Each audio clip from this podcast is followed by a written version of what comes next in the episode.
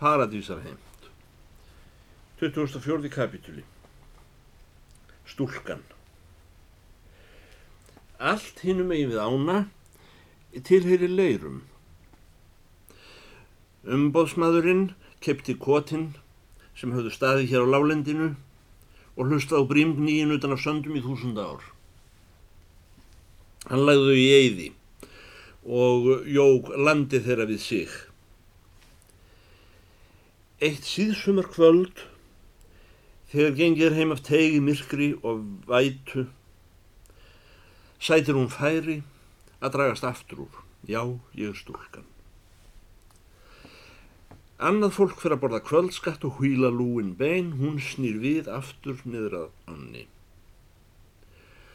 Hún þekkti gamla vaðið kótkallana sem fyrrum áttu hér leið en uh, voru ekki lengur neynir. Hún hefði hlaðið vörðu úr þremur smásteinum þar sem riðið var út í. Hún fann steinana sína, þó dimt væri, síðan óð hún út í. Áinn var óvíða nefn hér, en sumstaðar vondur í henni botnin. Í björtu vissi hún reyndar hvar vætt var, en í myrkrinu sá hún ekki kennileitin og var tvívegis komin út í sandleðju og snýri við. Í þriðju atrennu held hún sér grilla í bakkan eins og tvo faðma undan, þá viss hún ekki fyrst til nú að sokkjunum upp undir hendur og farin að súpa hveljur og ákalla guð. Eins og ofta áður var guð ekki setna á sér heldur skapaði henni eh, sandrif eh, sem aldrei hafi verið til áður og stendur nú þarna upp úr miður ánni. Og sem hún er að missa fótanna í köldu vatninu klórar hún sig upp í þetta nýskapaða sandrif.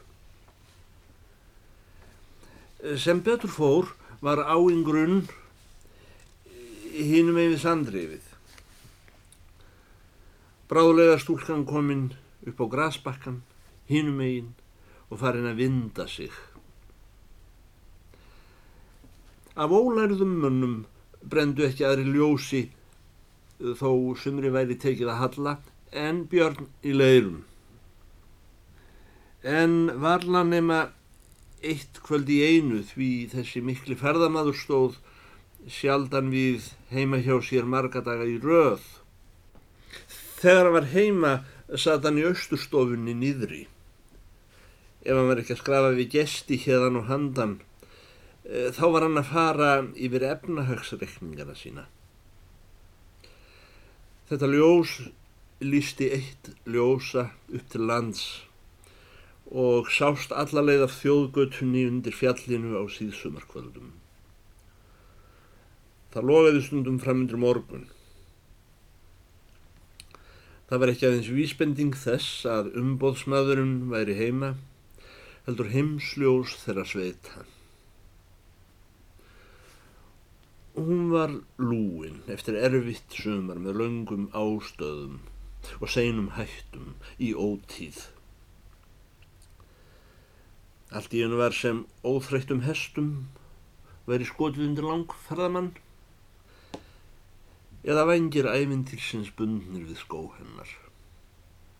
Hún stökk jafn léttum fótum yfir þungfæra leirur og móa og mýrar sem slettar brundir.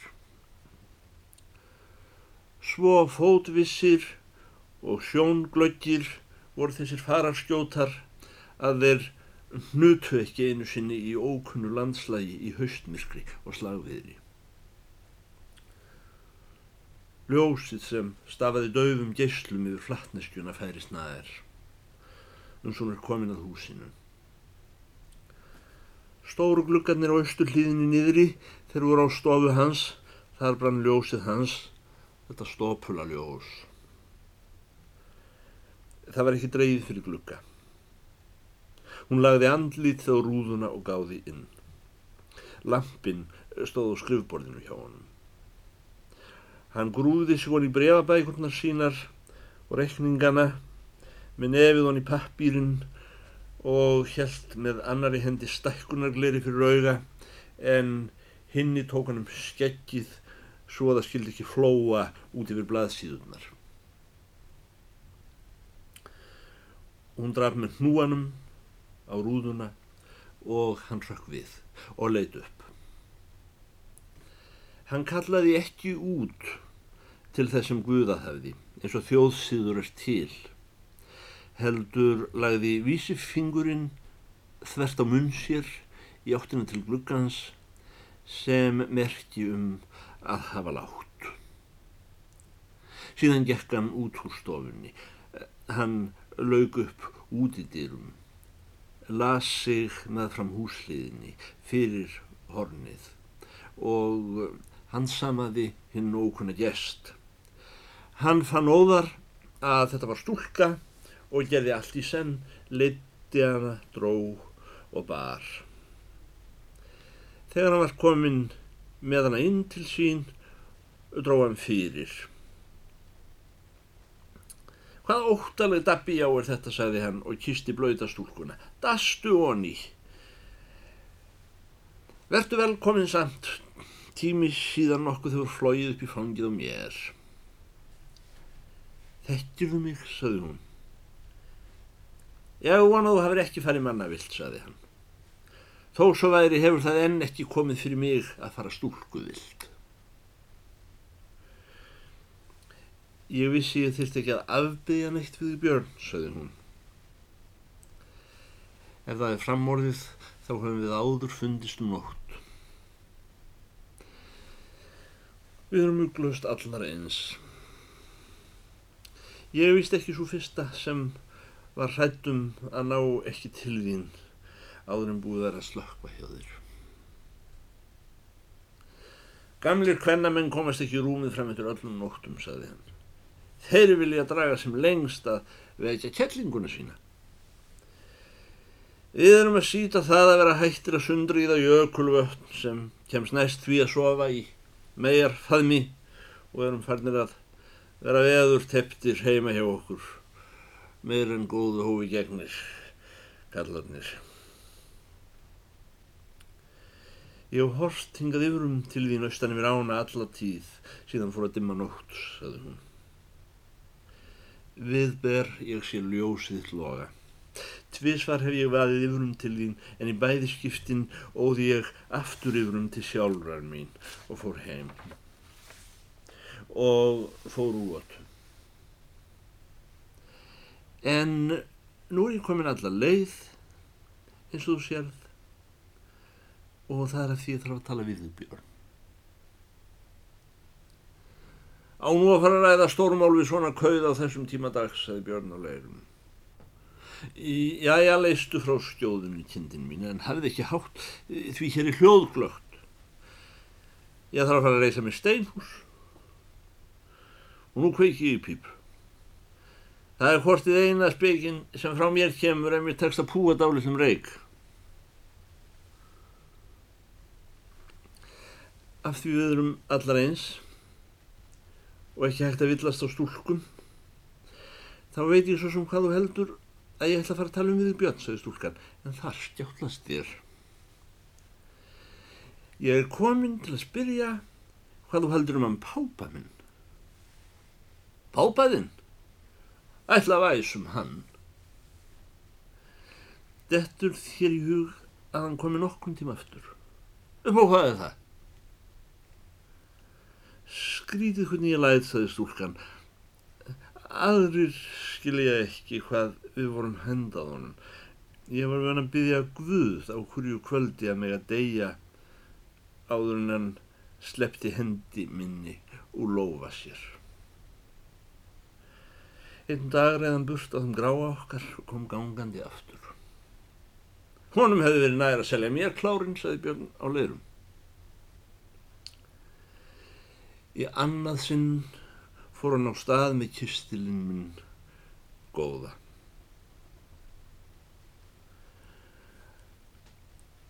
Rauðavíðin fjekk hann hjá mér, saði Björn á leirum, og áttaði sér nú loks um hvernig hann var að tala og við hvern. Meðal annar var það, hvað var aftur í þessum kysli? Það var stóreflis hólf fyrir silfurpenninga, saði stúlkan. Og marg sundurkruppað skotald fyrir gull og jarknasteina. Hvað skotir er nú það, saði Björnuleirum. Lóksins voru leinibotnar undir það sem er gulli dýrara, saði stúlkan. Hann kom aldrei aftur, ekki einu sinni gangandi. Þetta var mest í sérvisku púki, saði Björnuleirum. Ég held að hann sé best komin þar sem hann er, kindin mín. Ætli þú er í þér, sætli þó þú sægir hann aftur. Það er sagt að ég gerir lítið fyrir börnin mín. Hvað gerir hann fyrir sín? Hann gerir mikið fyrir mig, saði telpan. Eins og hvað, spurði umbóðsmaðurinn og var farin að púðra í gríð og ergi.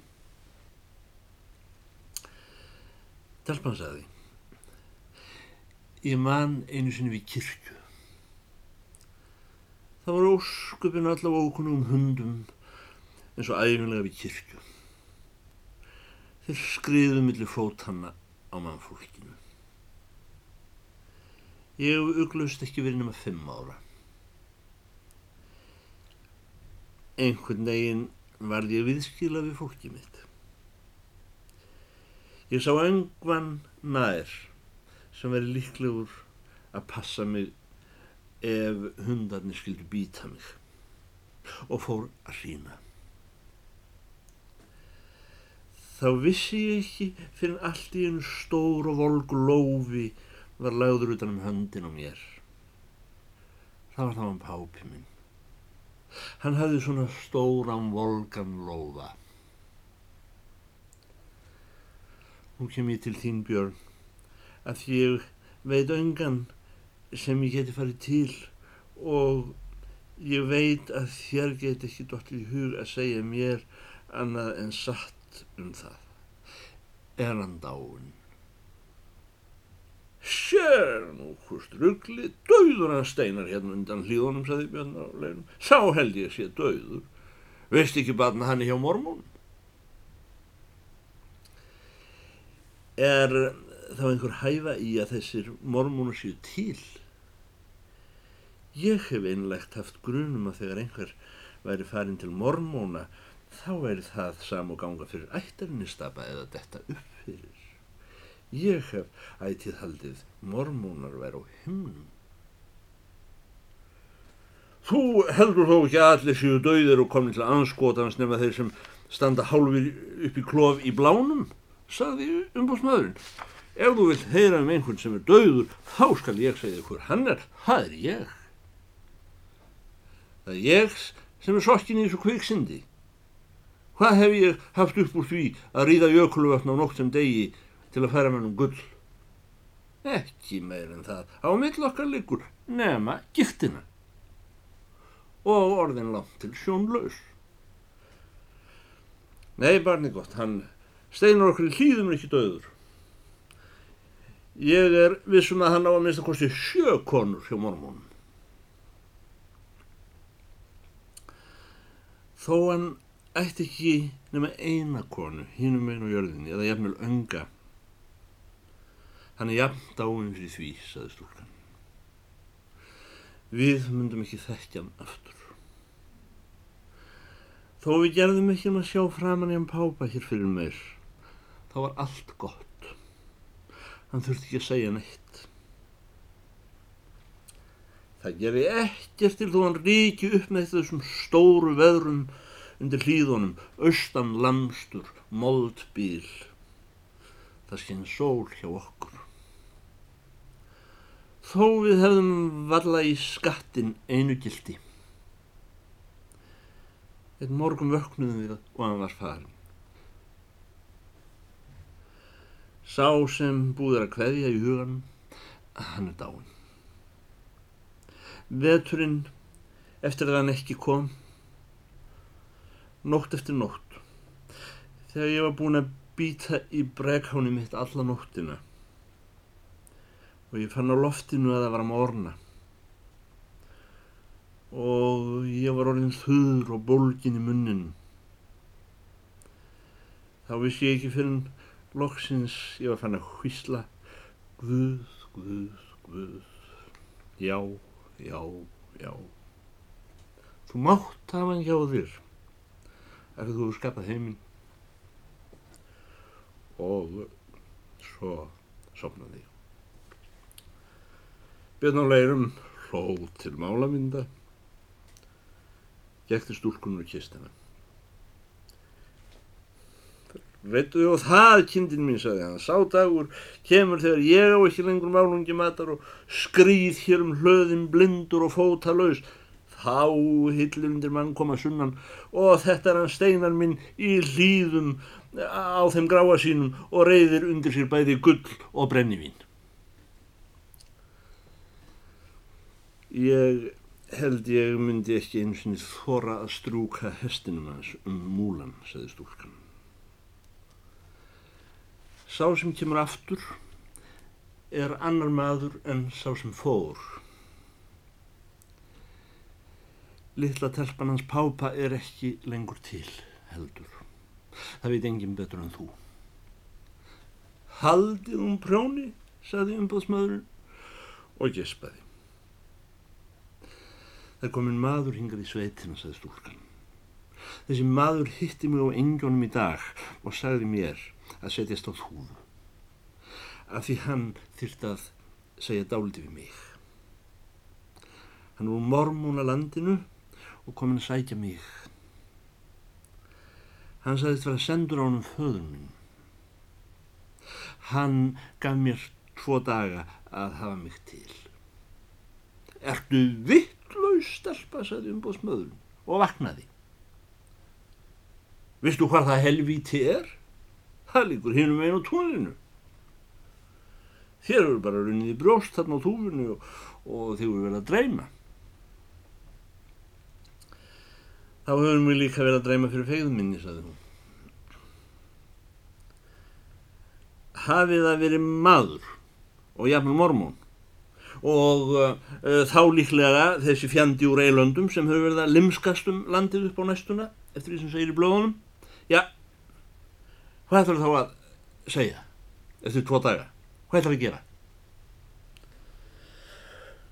Og svo sem ekki mikið það stúlkan ég býð bara í tegnum þar til hann kemur með henni mammu og honum vikingbróður og tegur mig upp, saði stúlkan en drengurinn hvaða drengur drengurinn okkar.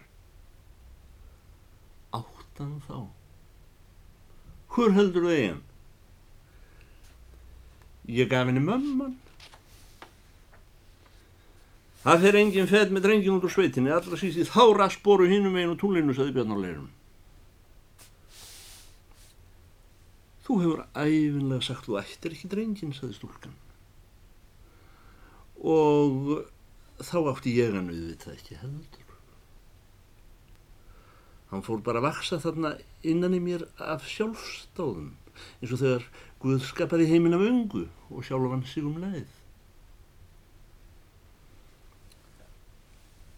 Þú þarft ekki að látast heimskar en þú ert, telpa mín, þegar þú tala um mig, sagði umbásmaðurinn.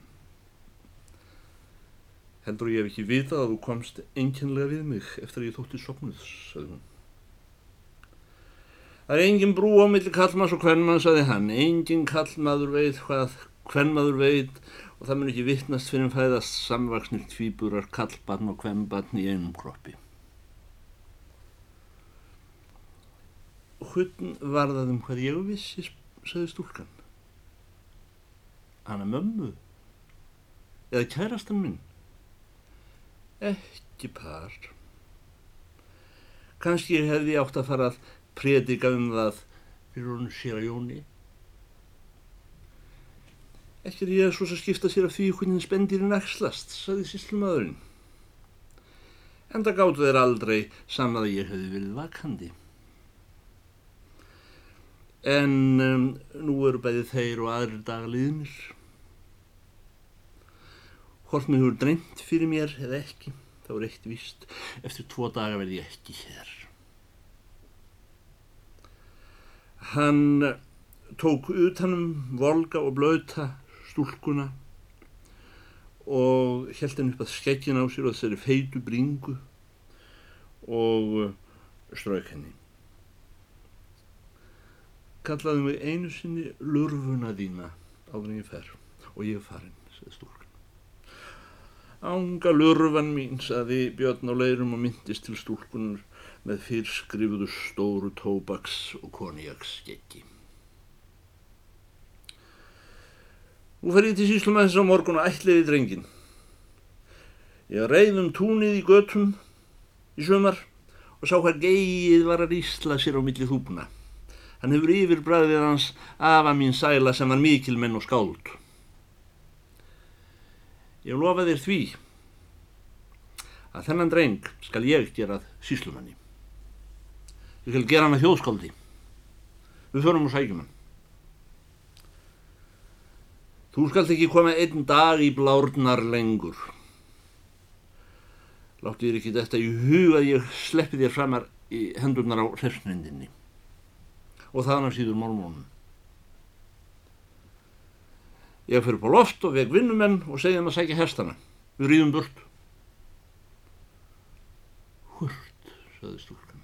Hafið anskotin, ég hef fengið mú fullsattan. Ég segi skilið við allt. Svaðbælin, ströndin, konjakið, rauðaviðin, stóðið og þessar stóru ráðagerður um að gera út velskip með þeim ríku fyrir sunnan og gíktina og skrimslið mikla í vestmannegjum. Við rýðum nú í nótt, suður til skips, þú og ég og drengurinn og náum háttum í huldulandinu á undan mormónum. Nú skrepp ég upp á loft og fyrir vaðstífilin mín. Hann eh, sleppti henni úr fangi sér þar sem hún hafði kurt hálf köpnuð undir skekki hans. Hún stendur á miðjugólfi. Það voru komnir podlar í gólfið eftir vatnið úr skónum hennar.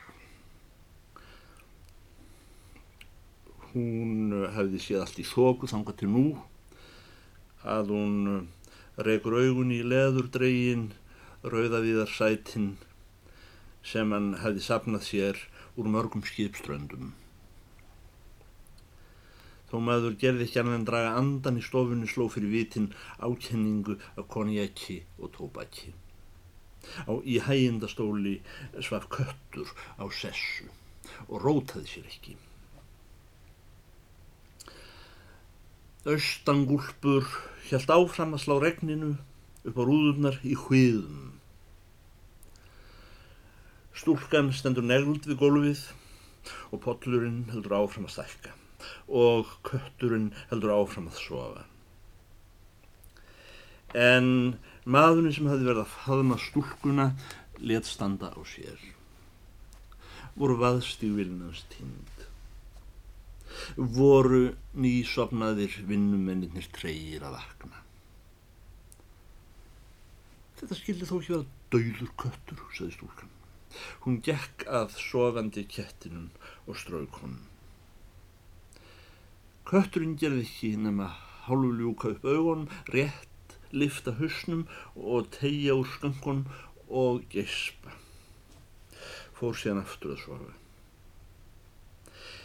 Ef til vill hafði hann haldið að þessi ókunnu að stúlka verið draum sinn og ef til vill var hann það. Sendum síðir heyrðist nátt kyrðarbrak af fótatæki í stiga og gangi. Stofuhurðinni er lokið upp með þess konar varfærnis átæki sem lætur ískra í hörum. Gömur kona, kúpuvaksin, alltaf því með herðakistil, kom inn úr dýrónum, svefn stjörfi framann með grátt hárstrí í snörum fléttum á þygt við venjulegt snæri.